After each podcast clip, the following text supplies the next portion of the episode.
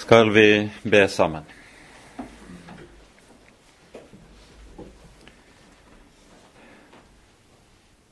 Kjære gode Herre, Hellige Far. Så takker og lover vi deg igjen at vi skal få lov til å samles i ditt navn, samles om ditt hellige ord. Fordi, Herre, du har selv gitt løfte om at du vil møte oss i Ordet, komme til oss og gjøre din gjerning i oss og med oss ved det du taler. Derfor ber vi, Herre, at du vil gjøre oss stille, stille for ditt ansikt, for at dine ord også må få lov til å gjøre sin gjerning. Send din Hellige Ånd og åpenbar Ordet, så vi kan forstå det, forstå det med hjertet, og kjenne deg på rette vis. Ja, Herre, uten at du kommer med din Hellige Ånd, er alt vårt forgjeves. Og derfor ber vi deg, Herre, forbarm deg over oss. Kom du, og åpenbar ditt navn for oss. Amen.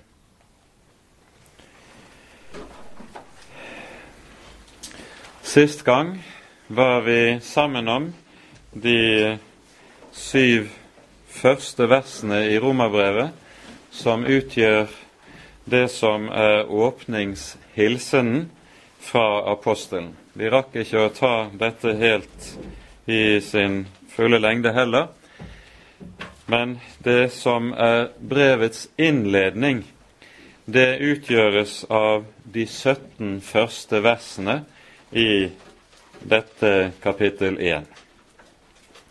Det er da inndelt slikt at de syv første versene de utgjør åpningshilsenen til apostelen. Og så fra vers 8 til vers 15 hører vi apostelen tale om sitt personlige forhold til de troende i Rom. Og så vers 16 og 17 hører vi apostelen meget kort og meget eh, kompakt omtaler det som er brevets tema. Så vers 16 og 17 gir oss brevets innhold, hovedinnhold, like som i et nøtteskall. Og Det vi skal gjøre i dag, det er at vi da tar for oss avsnittet frem til og med vers 17. Men for sammenhengen sin del så tror jeg det kan være godt at vi leser hele avsnittet fra vers 1 til 17. Så det leser vi nå innledningsvis. Paulus, Jesu Kristi tjener, kalt til apostel, utkåret til å forkynne Guds evangelium, som han forut lovet ved sine profeter i hellige skrifter, om Hans Sønn, som etter kjødet er kommet av Davids ett, som etter hellighetsånd er godtgjort å være Guds veldige sønn ved oppstandelsen fra de døde, Jesus Kristus vår Herre ved hvem vi fikk nåde og apostelembete for å virke troens lydighet blant alle hedningefolkene til Hans navns ære, blant hvilke også dere er kalt til Jesus Kristus. Til alle Guds elskede, kalte, hellige, som er i rom. Nåde være med dere og fred fra Gud vår Fader og den Herre Jesus Kristus. Først takker jeg min Gud ved Jesus Kristus for dere alle, fordi deres tro er navnkundig i hele verden. For Gud, som jeg tjener i min ånd, i Hans Sønns evangelium, er mitt vitne hvor uavlatelig jeg kommer dere i hu. I det jeg alltid i mine bønner ber om at jeg dog endelig en gang ved Guds vilje må få lykke til å komme til dere. For jeg lenges efter å se dere, så jeg kunne la dere få del med meg i noen åndelig nådegave, for at dere kunne styrkes. Det vil si at jeg hos dere kunne vederkveges sammen med dere ved den felles tro, deres og min. Og jeg vil ikke, brødre, at dere skal være uvitende om at jeg ofte har satt meg fore å komme til dere, men jeg er blitt hindret inntil nå, for at jeg kunne ha noen frukt også blant dere like som blant de andre hedningefolkene. Jeg står i gjeld både til grekere og til barbarer, både til vise og til uvise, og således er jeg for min del villig til å forkynne evangeliet også for dere i Rom. For jeg skammer meg ikke ved evangeliet, for det er en Guds kraft til frelse for hver den som tror, både for jøde først og så for greker. For i det åpenbares Guds rettferdighet av tro til tro som skrevet er, den rettferdige ved tro, han skal leve. Amen.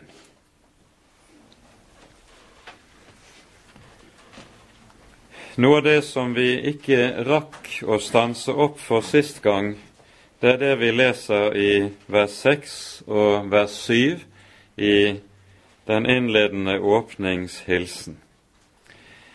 Der skal vi merke oss bare et par viktige saker. I vers 6 sies det 'blant hvilke også dere er kalt til Jesus Kristus'. Vi skal legge merke til hvordan ordet 'kall' her brukes. For vi er jo vant til ofte i vanlig kristen språkbruk at når en taler om kall, så taler en om kall til en eller annen gjerning som en skal stå i og utføre. Og det er ikke galt å bruke ordet slik. Men når du leser Det nye testamentet, så vil du ofte kunne legge merke til at her brukes begrepet kall ofte i en annen betydning, nemlig den vi her hører.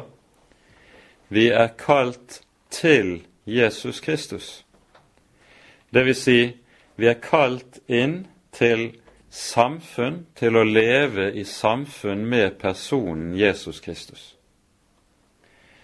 Dette sies også uttrykkelig i eh, det første kapittelet i første Korinterbrev, der Paulus taler om samme sak i vers 9. Her står det sånn Gud er trofast, Han ved hvem dere ble kalt til samfunn med Hans Sønn, Jesus Kristus, vår Herre. Gud er her den som kaller. Faderen kaller på det enkelte mennesket, og han kaller oss inn til Sønnen for at vi skal leve i samfunn med Sønnen. Og det er det kristendom er. Det er å leve hos Jesus. Det er å leve sammen med Jesus. Det er å leve i det som en kaller for livs samfunn med Jesus. Og Her må det også understrekes at ingen er kalt til en gjerning i Guds rike uten at han først lever i og er kalt til samfunnet med Jesus. Det er helt avgjørende å være oppmerksom på. Dette er noe som vi hører om allerede i forbindelse med Jesu kallelse av de tolv disiplene. Vi leser i Lukas 6 og i Markus 3 om hvorledes Jesus etter en natt i bønn kaller til seg de tolv. Han kaller dem apostler, står det, og så står det han kalte dem til seg for at de skulle være med ham. For at de skulle være sammen med ham. Det er uttrykket som brukes i grunnteksten. Altså, Jesus kaller ikke de tolv primært for at de skal gjøre noe, men for at de skal være der han er, og så være øyenvitner til det han gjør, ørevitner til det han taler. Og så i samlivet med Jesus så forvandles de, så skjer det noe med dem, slik at de, når dagen kommer, er rede til det han vil sende dem til. Men de er altså først og sist kalt til dette å være sammen med Jesus.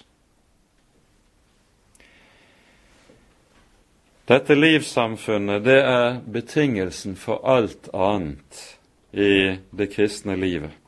Og Derfor kan det ikke understrekes sterkt nok dette grunnleggende.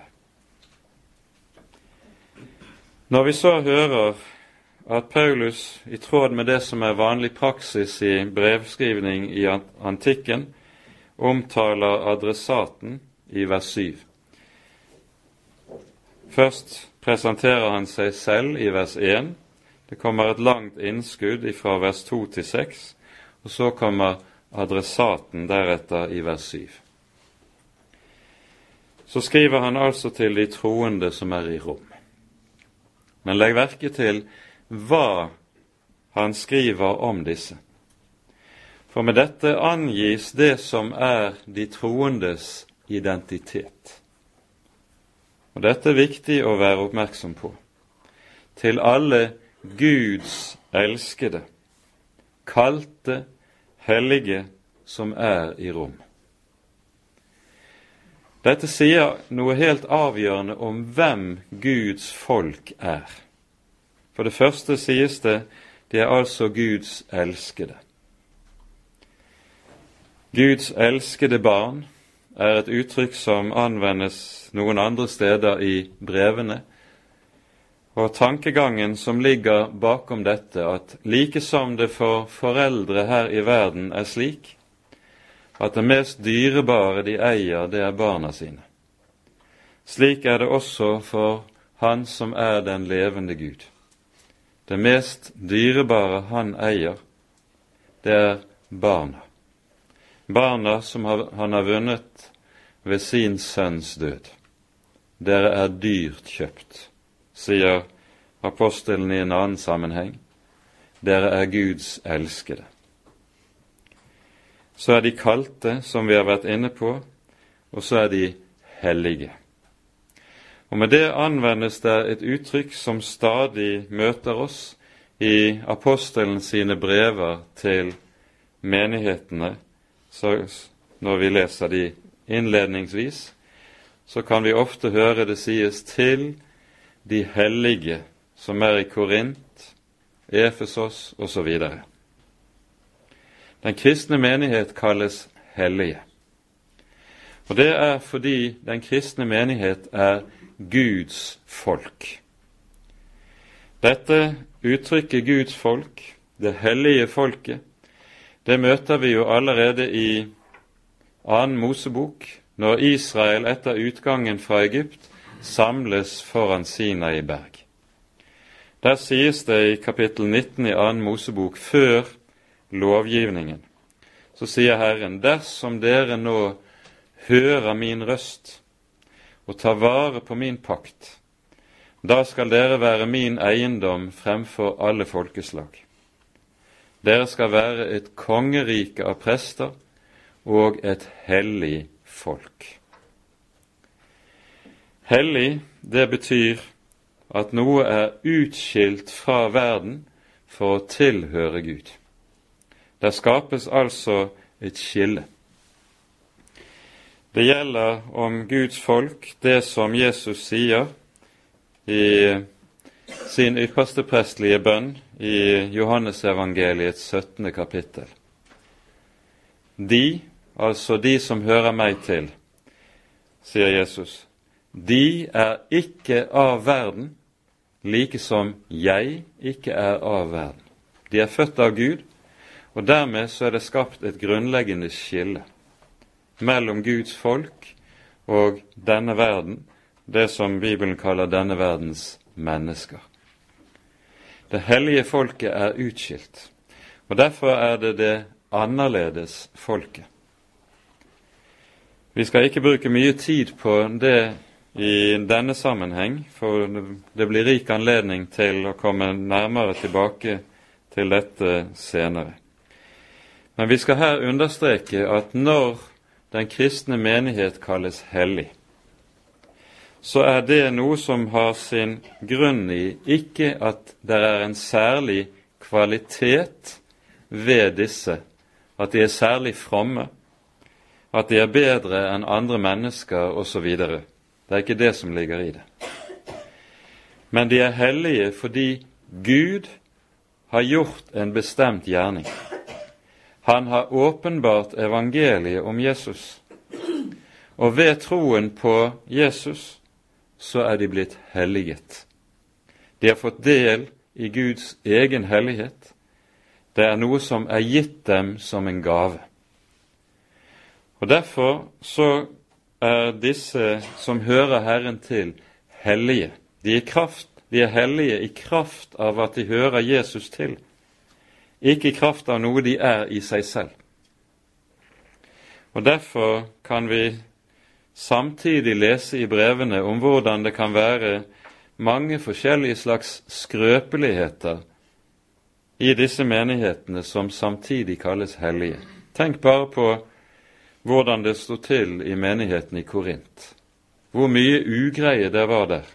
Uforstand, åndelig umodenhet, synd, kiv, alt mulig som slett ikke burde være i en kristen menighet. Likevel skriver apostelen til dem og sier, kaller dem for de som er helliget ved troen på Jesus i Korint. Det er adressaten der. For det er troen på Jesus som skaper den grunnleggende hellighet. Det er Jesu egen hellighet som legges på de som hører ham til. Og så er de blitt det hellige folket. Og Dette er kanskje den mest grunnleggende betegnelsen på den kristne menighet som vi finner i vår bibel. Det nye testamentets betegnelse på kirke eller menighet, det er ordet eklesia. Og det er et ord som kommer av det greske ordet 'kalle', og det betyr å kalle ut. Den kristne menighet er en, et folk som er kalt ut av verden for å høre Herren til. Og Dermed er de altså de hellige. Og Det er dette som vi hører om, og som Paulus altså benevner menigheten som, når han skriver til dem, slik vi her hører. Og så kommer han med den, denne åpningshilsen, som er den faste apostoliske hilsen i nesten alle brevene hans. Nåde være med dere, og fred fra Gud vår Far og Herren Jesus Kristus. For det første skal vi her merke oss at det er en meget nær sammenheng mellom disse to ordene nåden og freden. Det gis ingen fred uten nåden. Det er helt grunnleggende. Der hvor nåden ikke er, der hvor et menneske lever under loven, der finnes heller ikke den fred som er av Gud.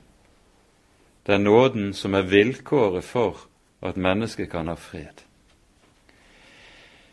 Dernest så skal vi være klar over at når apostelen kommer med denne hilsen, så er ikke det bare ment som en from frase. Men med dette så gir han uttrykk for det som skal være den kristne menighets og den enkelte troendes livsluft, det som han lever og ånder i. Nåden er ikke noe en kristen blir ferdig med. Det er ikke noe han vokser ut av. Det er ikke noe han kan, så han ikke lenger behøver det eller trenger å høre mer om det. Tvert om, det er den livsluft som han stadig skal leve i. Og akkurat som vi er avhengig av luften som vi puster i for å i det hele tatt å kunne leve, slik er vi avhengig stadig av å kunne ånde i den nåde som er gitt av Gud, for å kunne eie livet. Og slik er tankegangen hos apostelen. Dette skal være den kristne menighets livs luft. Vi legger da merke til at han ikke sier at det er kall og tjeneste som er livsluften, men han sier nåde og fred. For veldig lett blir det slik i mange kristne sammenhenger at det blir så megen tale om alt det en skal gjøre, alt det en skal være, alt det en bør være med på, alt det en bør satse på og engasjere seg i, at en blir så opptatt med alle disse ting at nåden kommer i bakgrunnen. Den kommer i bakgrunnen fordi det er jo noe som er selvsagt. Det er noe som vi kan. og Derfor behøver man ikke verken å tale så meget om det eller høre så meget om det. Det er livsfarlig når det skjer med et kristent menneske. For da vil han komme inn under loven, før eller senere, og da vil han før eller senere også miste Jesus av syne. Jesus blir da et forbilde mer enn han blir frelser. Gud blir arbeidsgiver i stedet for far. Og det er livsfarlig når det er det som kommer til å prege det kristne liv og den kristne menighet. Nåden og freden skal være livsluften som vi lever i. Det er tankegangen hos apostelen. Med åpningshilsen så går han så over til å tale om forholdet til de troende i Roma. Han har jo aldri vært i Rom, eh, men ut fra det vi leser i det 16. kapittel, så er det tydelig at han kjenner svært mange av de enkelte troende som er i rom, og som hører til menigheten. Og så skriver han, som vi her hører, Først takker jeg min Gud ved Jesus Kristus for dere alle, fordi deres tro er navnkundig, den er blitt kjent, den omtales i hele verden. Når Paulus takker Gud for menigheten, så kan vi stille oss spørsmålet hvorfor gjør han det? Han gjør det av to grunner. For det første fordi i den kristne menighet som blir til, og som spirer og vokser, så ser han oppfyllelsen av Guds løfter i Det gamle testamentet. Til Abraham lød løftet i deg skal alle jordens slekter velsignes. I det lå løftet om at også hedningene en dag skulle få del i frelsen, skulle bli tatt til Guds folk. Dette er det nå som er begynt å gå i oppfyllelse. Og så takker apostelen Herren for at han nå aktivt virker for å oppfylle sitt løfte. Det andre som ligger i det, og som er overmåte grunnleggende å være klar over, det er at det at en kristen menighet er blitt til, det er noe som er en frukt av Guds gjerning. Det er ikke noe menneskes gjerning som er opphav til menigheten. Jesus sier jo dette allerede i forbindelse med det vi hører om Peters store bekjennelse i Matteusevangeliets 16. kapittel. Når Peter har avlagt bekjennelsen 'Du er Messias, den levende Guds sønn', så svarer Jesus Peter og sier, Salig er du, Simon, Jonas' sønn. Dette har ikke kjøtt og blod åpenbart deg, men min Fader i himmelen. Og så sier, føyes det til, på denne klippe vil jeg bygge min menighet. Altså på klippen, det er jo Peters bekjennelse. Men Jesus sier, 'Jeg vil bygge min menighet'. Den kristne menighet, den er noe som skapes av og bygges av Herren Jesus selv. Det er ikke et menneskes verk. Der en kristen menighet blir til på grunnlag av menneskers anstrengelser, der er det i realiteten noe ganske annet enn en kristen menighet vi har med å gjøre. Det er Jesus som bygger. Og dette er Bibelen full av i det den taler om at det er Gud som skaper sitt folk. Det er Gud som tar ut et folk for sitt navn. Det er Gud som føder hvert enkelt kristent menneske. Dette sies jo tydelig i en rekke steder i Det nye testamentet. Når vi i Johannes 1 hører alle dem som tok imot ham. Dem ga han rett til å bli Guds barn, og de er født ikke av manns vilje, ikke av kjøtt og blod, men av Gud. Da skjønner vi at når det er Gud selv som føder hver enkelt kristen, hver enkelt troende menneske, så er det Gud som selv da også er opphav til fellesskapet mellom disse. Ingen kan komme til troen uten Herrens hånd og Herrens gjerning. Og slik blir den kristne menighet til som frukt av hva Gud gjør. Og Derfor gjør Paulus sånn som han gjør. Han takker Gud for hva han har gjort, når det er skapt et folk for hans navn. Så hører vi at vi hører han gir uttrykk for sitt ønske om stad som han har hatt gjennom flere år, å få komme til dem. Et par ord bare om det vi hører i vers 11 og vers 12. Jeg lenges etter å se dere, så jeg kunne la dere få del med meg i noen åndelig nådegave, for at dere kunne styrkes. Først, når det her er tale om nådegave, så tenkes det ikke med det på i denne sammenheng på det vi gjerne kaller for de ekstraordinære nådegavene, og som vi hører om f.eks. i 1. Korinterbrevs 12. kapittel. Men i Romerbrevet hører vi uttrykket nådegave først og fremst brukes om evangeliet. Evangeliet budskapet om Herren Jesus kalles for en nådegave. I kapittel 6 sies det slik Syndens lønn er døden, men Guds nådegave er evig liv i vår Herre Jesus Kristus.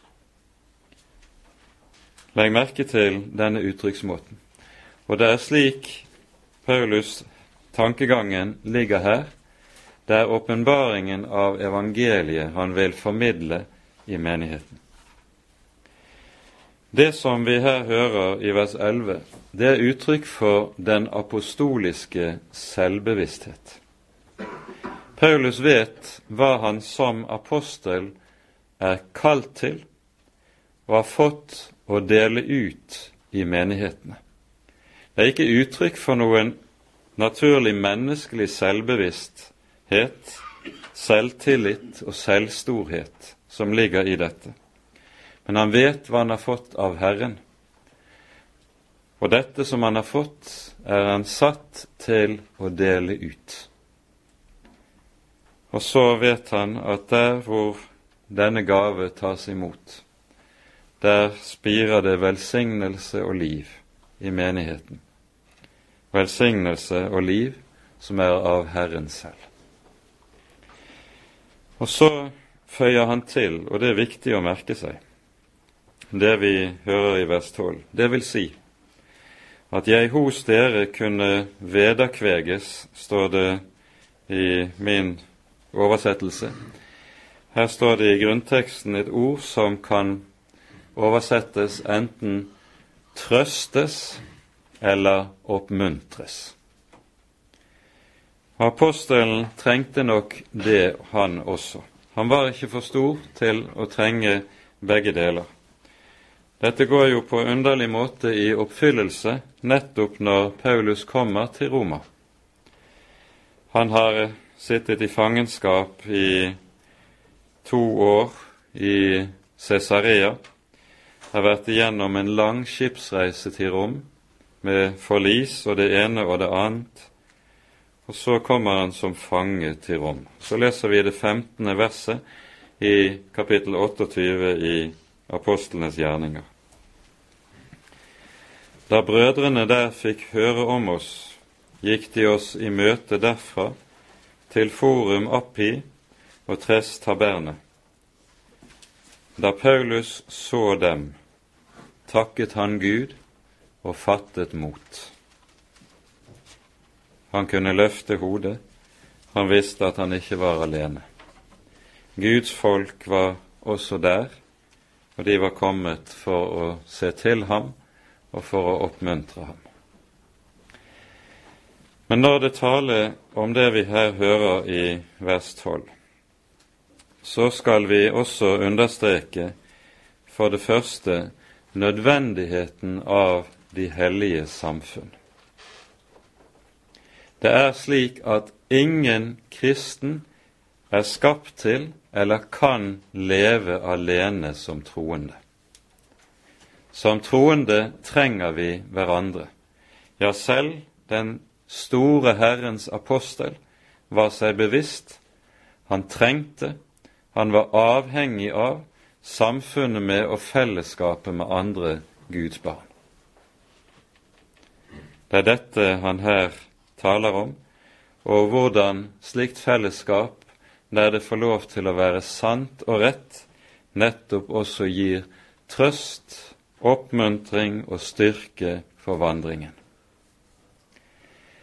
Dette innebærer også at sant og levende kristendom har det med seg at troende alltid vil vite 'jeg trenger å være sammen med andre Guds barn'.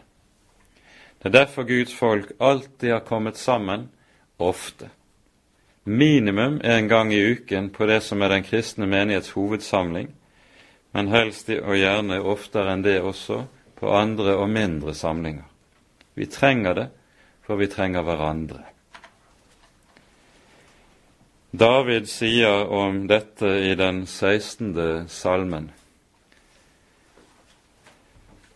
Jeg sier til Herren, du er min Herre. Jeg har intet gode utenfor deg, I det jeg har min lyst til de hellige som er i landet. Altså hjertet hans står til de som har troen, og som har livet, og som har den samme oppmuntring. Og derfor trenger han den samme oppmuntring. Kanskje vi også skulle understreke det som sies, for at jeg kunne trøste sammen med dere ved den felles tro. Når ordet tro brukes i denne sammenheng, så brukes det på samme måte eller i samme betydning som når vi i Kirken sier 'la oss bekjenne vår hellige tro'. Det er tale om troens innhold. Det er den felles tro. Betingelsen for kristent fellesskap er alltid at en deler den felles tro.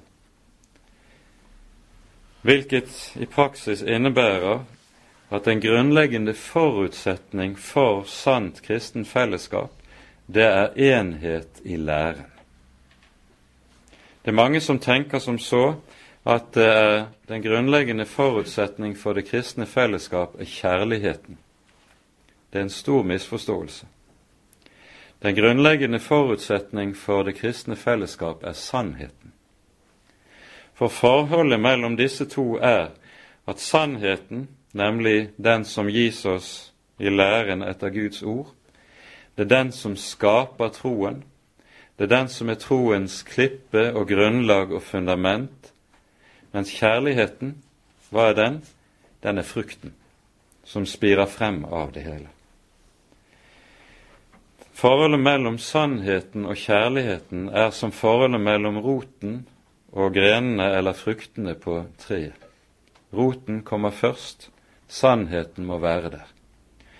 Derfor vil det aldri kunne være sant kristent fellesskap om en ikke er ens når det gjelder det grunnleggende i læren. Dette kirke, har jo rent kirkehistorisk kommet til uttrykk i det at hvor man læremessig eh, tenker ulikt på avgjørende områder, der har man dannet forskjellige kirkesamfunn. Og sånn må det være. Fordi, rett og slett fordi enhet i sannheten er forutsetningen for den kristne enhet. Og Dermed er det også sånn at det aldri kun kan være sann kristen enhet uten at en tar alvorlig lærespørsmålet. Det er mye mer å si om dette, men det må nevnes siden apostelen uttrekker seg slik som han her gjør. Han kommer tilbake til noe av dette i avslutningskapitlet i det 16. kapittel. Der hører vi om vranglærerne som nettopp lærer i strid med Guds ord, og her får de troende klar beskjed om at slike skal en holde seg unna. En skal ikke etablere kristent fellesskap med slike som lærer eller lever åpenbart i strid med Den hellige Skrift, slik som Skriften taler tydelig om. Mer om det senere. Vi må gå videre. Nå kommer det en kort parentes der Paulus altså nevner dette at han ofte har satt seg fore å komme til rom, men er blitt hindret. Herren har hatt andre ting fore for ham, og så sier han, Jeg står i gjeld, både til greker og til barbarer, både til vise og til uvise, og således er jeg for min del villig til å forkynne evangeliet også for dere i Rom. Når Paulus bruker et sånt uttrykk og sier 'jeg står i gjeld', så betegner han altså seg selv i sin tjeneste som en skyldner i forhold til menneskeheten. Å stå i gjeld, det kan en gjøre på den måten at en rett og slett har å forvalte noe som hører andre til. Og Poenget her er i denne sammenheng at den levende Gud har selv trådt inn i verden med en usigelig stor gave som er gitt til hele menneskeheten. Han har latt sin sønn dø for alle menneskers synd. Alle ufrelste mennesker har denne gave liggende ferdig for seg.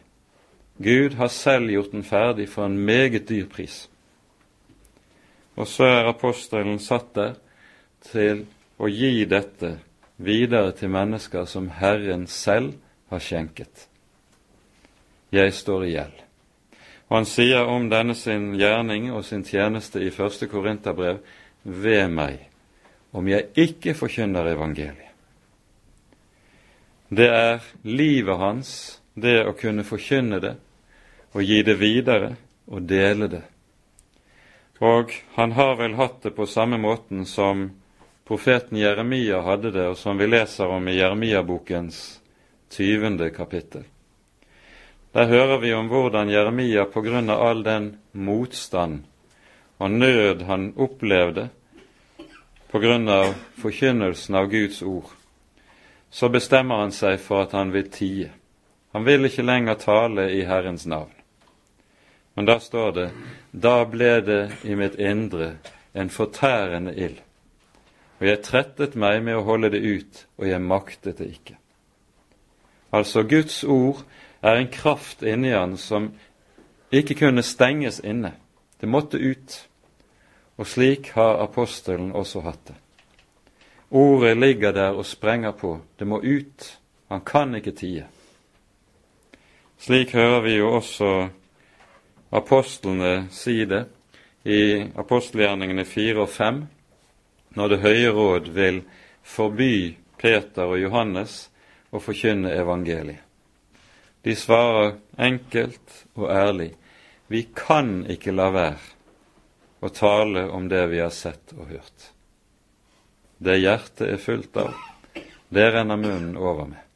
Slik var det for Herrens apostler. De kunne ikke la være. Det uttrykkes altså på denne måten som vi her hører det hos Paulus. Jeg står i gjeld. Jeg må dele ut.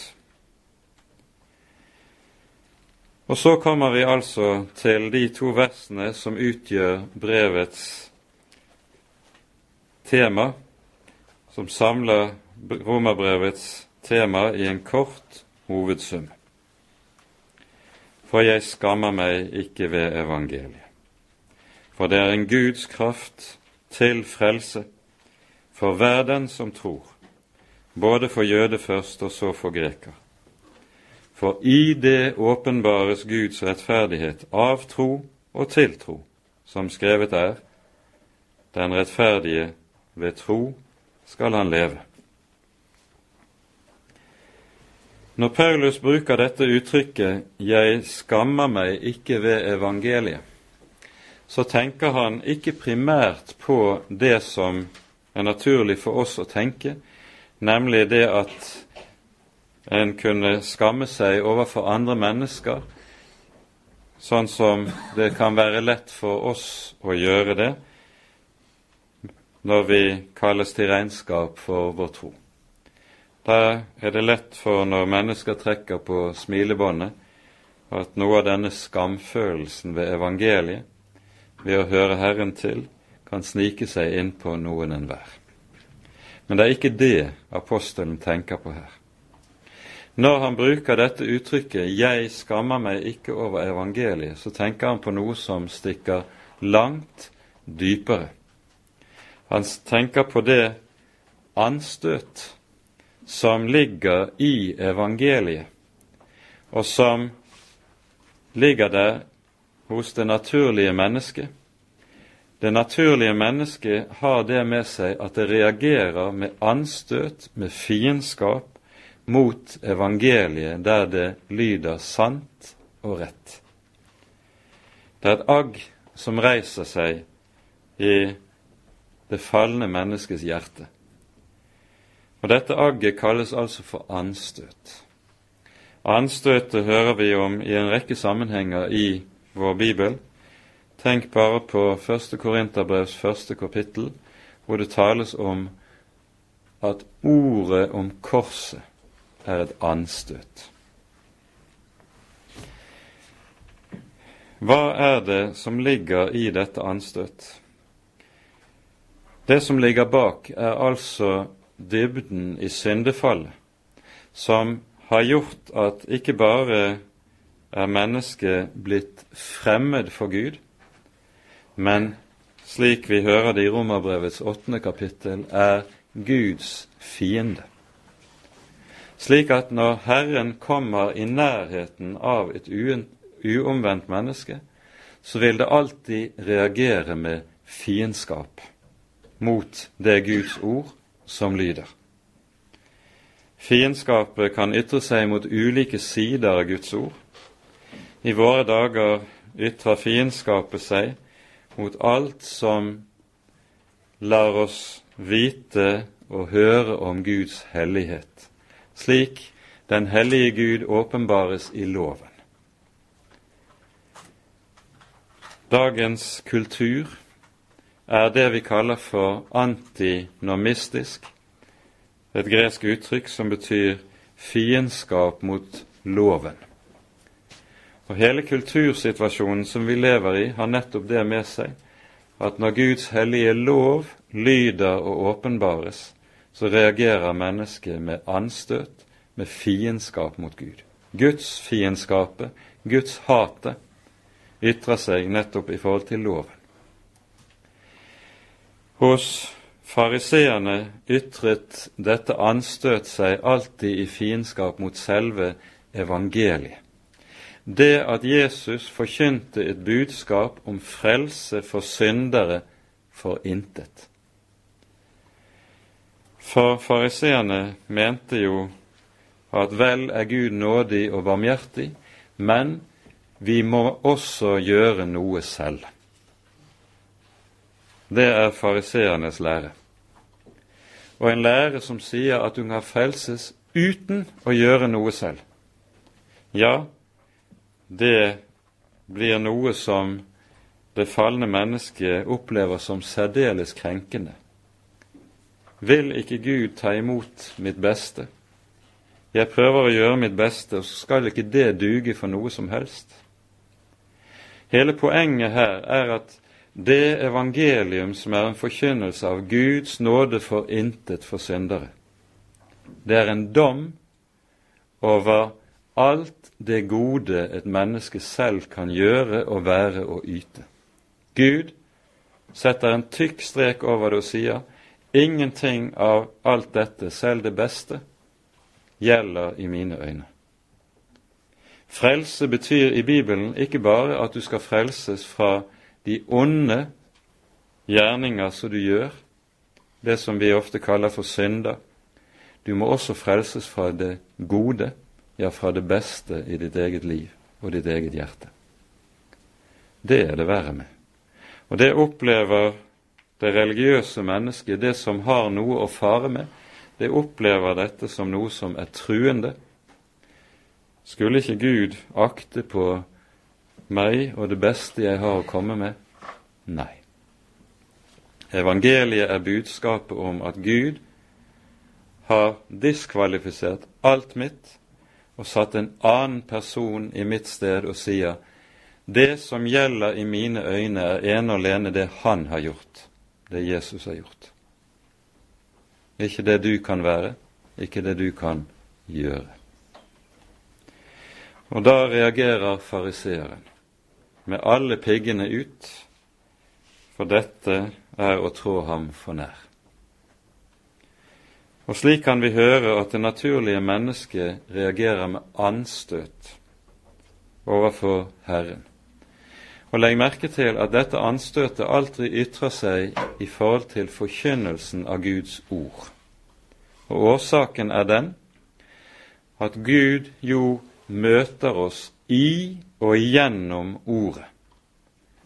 Og Derfor ytrer fiendskapet seg, anstøter seg alltid imot det punkt der vi møter Gud, nemlig i det ord som lyder. Derfor er fiendskap mot Guds ord og fiendskap mot Gud selv én og samme sak. Et menneske kan ikke si 'jeg tror på Gud, men jeg vil ikke vite av Hans ord'. For som, et, som forholdet ditt er til Ordet, slik er forholdet til Herren. De to ting kan ikke skilles ad. Og Nå sier altså Paulus 'jeg skammer meg ikke over evangeliet'. Det er noe som han har møtt, som har brutt anstøtet, brutt skammen av. Og så hører vi det sies For det er en Guds kraft til frelse. Hva er evangeliet? Ordet evangelium det betyr et godt eller et gledelig budskap. Evangeliet er altså et budskap, og hva dette budskapet dreier seg om, det er ganske kort sagt i, allerede i innledningen til brevet. Han er, sier han, satt til å forkynne Guds evangelium, og så sies det om Hans Sønn. Det er budskapet om en person, om Guds sønn Jesus Kristus, hva denne personen har gjort, og hvem han er, og hva denne hans gjerning betyr. Det er evangeliet. Og nå sier altså apostelen dette bestemte budskap, det er en Guds kraft til frelse. Og Da er jo hele poenget det at kraften til frelse, den ligger ikke i menneskets egen arm. Det ligger ikke innenfor mine muligheter og evner at jeg kan frelse meg selv. Nei, kraften til frelse, den ligger i et budskap, et helt bestemt budskap som forkynnes og lyder til oss, og der dette budskap får lov til å bli hørt, der blir et menneske frelst. Du blir frelst ved å høre evangeliet, ikke på noen annen møte. Du blir frelst ved å høre dette bestemte budskap. Du blir ikke frelst ved å høre et hvilket som helst budskap, men det budskap som Bibelen altså kaller evangeliet. Hvorfor det? Jo, fordi Gud selv har lagt sin egen kraft, sin hellige ånd, inn i dette ord, slik at der ordet lyder, der er også Ånden virksom og handler og arbeider på menneskets hjerte. Og så vil ordet selv virke frelse, tro, gjenfødelse og fornyelse. Det er ordet som gjør det, intet annet. Ordet som kommer til deg utenfra. Derfor er det vi hører dette sies i kort form, sånn som det lyder hos Jesaja i det 55. kapittel. Hør, så skal din sjel leve. Det står ikke 'gjør, så skal din sjel leve', men det står 'hør'. Du er aldri så passiv som når du hører, for da er det en annen som handler. Du er stille, han gjør sin gjerning. Hør, så skal du leve. Derfor er Guds menighet det er et ordhus, sier Luther. Det er et sted der Guds ord lyder, men det er et ord som er annerledes enn alle andre ord. Menneskers ord er slik at de kommer ut i været, det faller til jorden, det blir til intet. Men Guds ord, evangeliet, det er et virkekraftig ord som gjør noe med den som hører det. Det er et ord som virker frelse der mennesket ikke bevisst setter seg imot det, avviser det i forherdelse. Det er en Guds kraft til frelse for hver den som tror, sier apostelen. Og Når han her bruker dette uttrykket, så er det en foregripelse av det vi, som er noe av hovedtemaet som vi hører senere i Romerbrevet, et menneske frelses ved troen, ikke ved gjerninger. For her er det slik at disse to ting, det er noe som gjensidig utelukker hverandre. Dette vil vi høre mer om når vi kommer til det tredje og fjerde kapittelet i Romerbrevet, men vi må, det er nødvendig å understreke det allerede her. Og kanskje vi da ganske kort skal også peke på at når ordet tro brukes i vår bibel, så har det tre gjennomgående tre grunnbetydninger. For det første brukes det i den betydning som vi allerede har vært inne på. Det er betegnelse på et bestemt sannhetsinnhold som ligger i troen. La oss bekjenne vår hellige tro.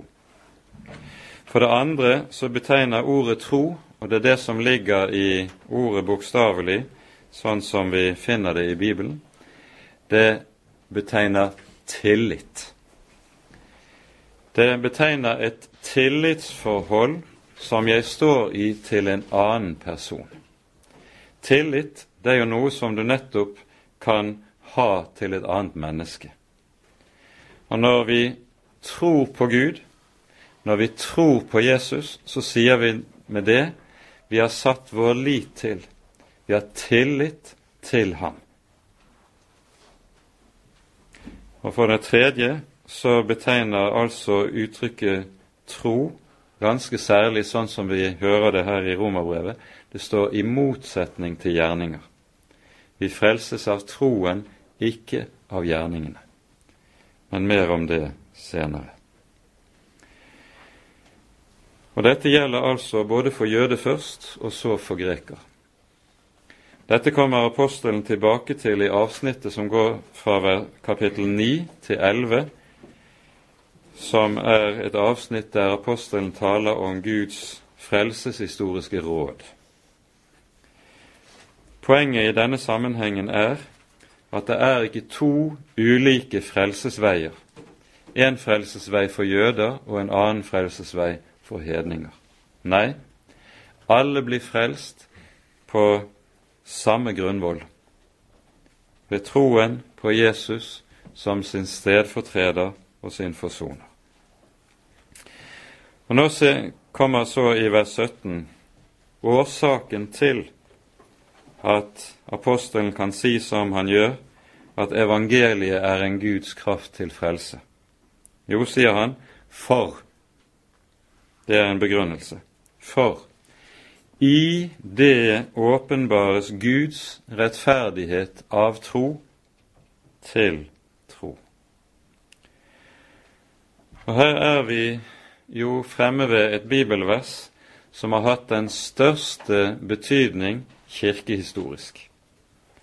Det var dette bibelverset her som betydde gjennombruddet for Martin Luther, der han brøt igjennom til å se hva evangeliet egentlig er for noe.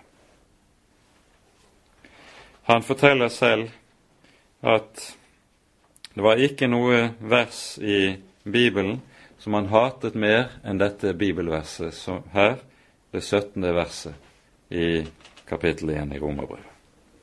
Hvorfor? Jo, sier han, i, han har fortalt om dette i en rekke ulike sammenhenger som man kan lese i hans skrifter. Men han sier det er jo ikke nok at det er slik at Gud krever mye av oss i loven. Han krever så mye at det er langt over evne. Men attpåtil så kommer han med evangeliet og krever enda mer i evangeliet. Han krever rettferdighet.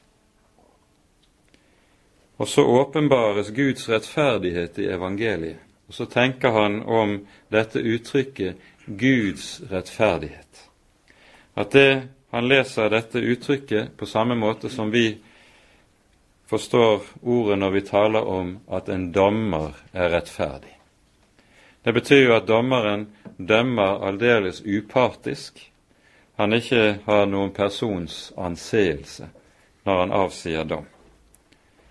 Og så skulle likesom også evangeliet tale om en slik Guds dømmende rettferdighet. Slik var det han leste dette verset, slik var det han forsto uttrykket Guds rettferdighet.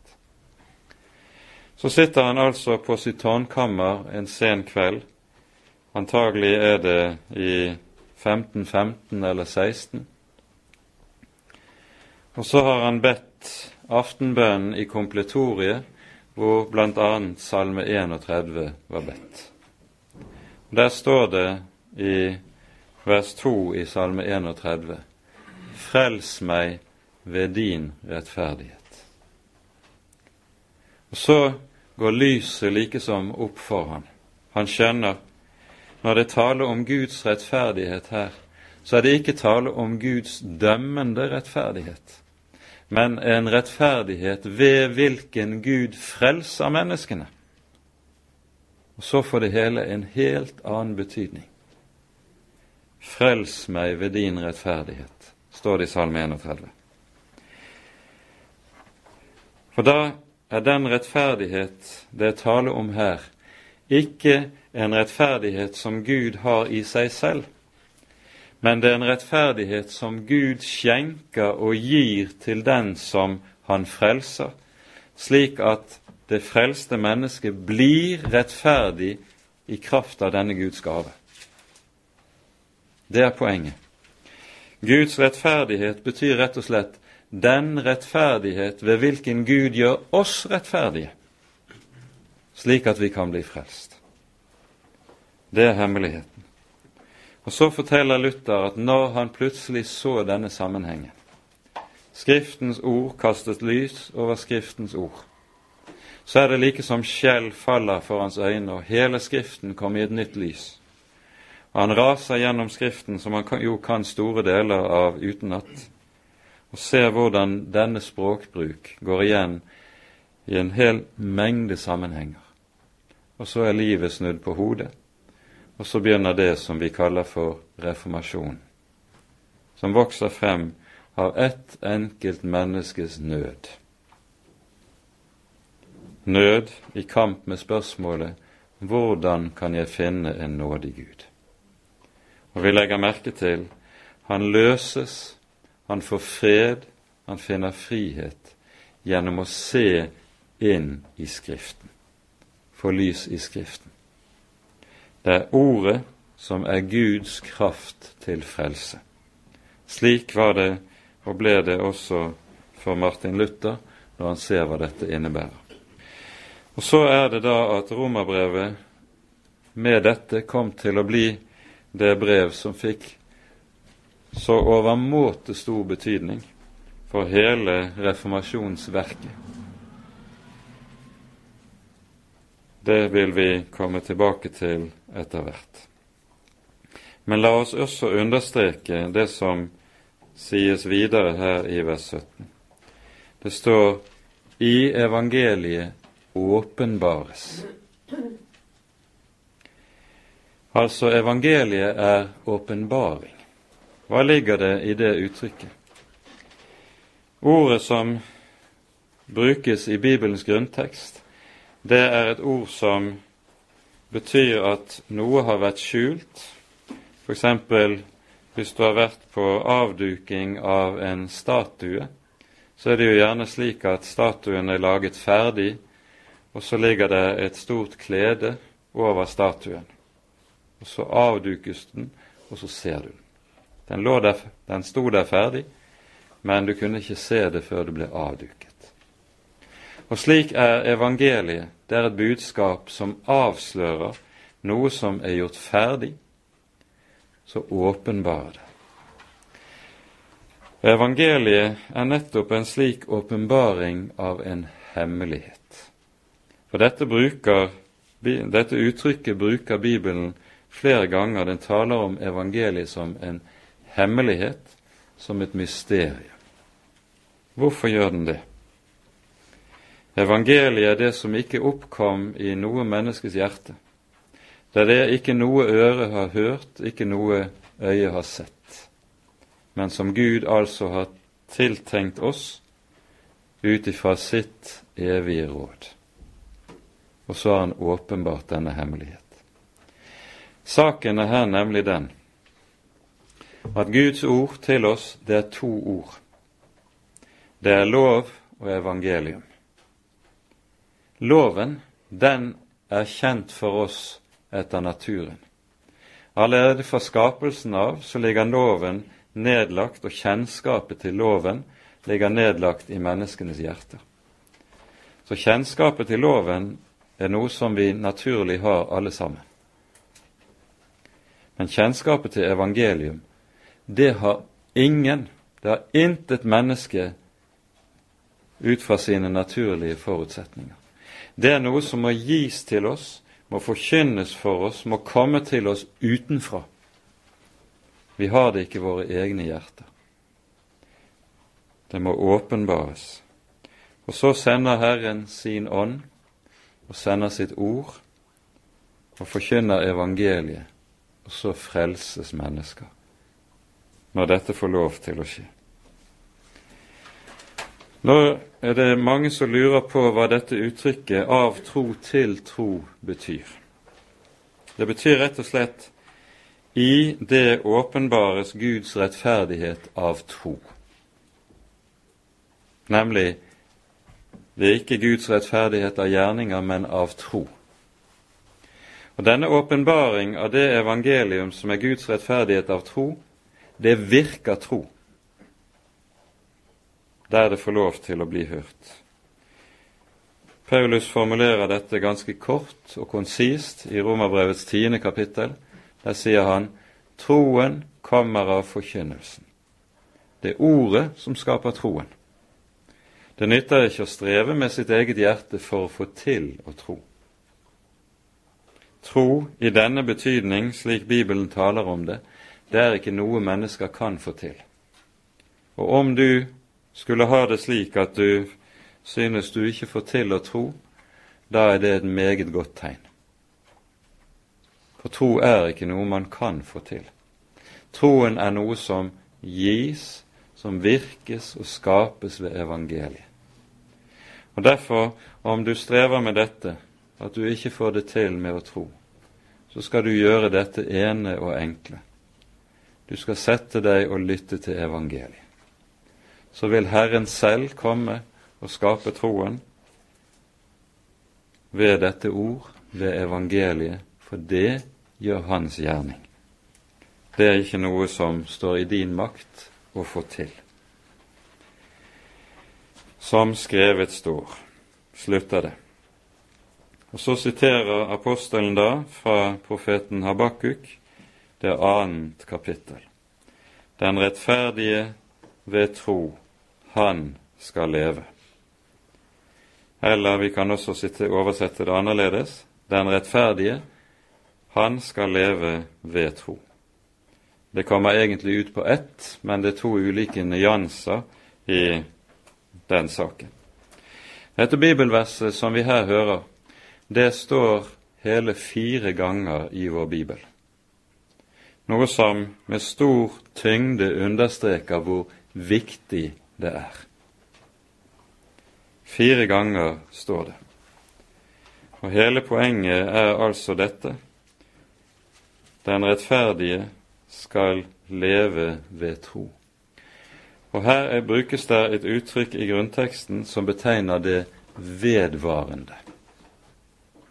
Det er ikke noe som bare er begynnelsen på livet, og så fortsetter en på en annen grunnvoll senere. Nei, en lever ved troen, en har livet i troen på Jesus hele veien så lenge en lever. Det er saken i denne sammenhengen. Vi noterer oss også her hvordan apostelen siterer fra Det gamle testamentet. Romerbrevet det er det brevet i Det nye testamentet som har flest sitater fra Det gamle testamentet. Det er mer enn 70 sitater og enda flere henspillinger på eller allusjoner til Det gamle testamentet i Romerbrevet. Og Dette har fått en del utleggere til å mene, og jeg tror ikke det er langt fra sannheten, at noe av romerbrevets hensikt er nettopp å utlegge det som er Det gamle testamentets egentlige mening. Det skal vi også komme tilbake til ved senere anledning. Den rettferdige ved tro, han skal leve. Det er romerbrevets budskap og innhold i en kort sum, og som alt annet bare tjener til å utfolde og klargjøre og utdype for oss. Ære være Faderen og Sønnen og Den hellige ånd, som var og er og være skal en sann Gud, høylovet i evighet. Amen.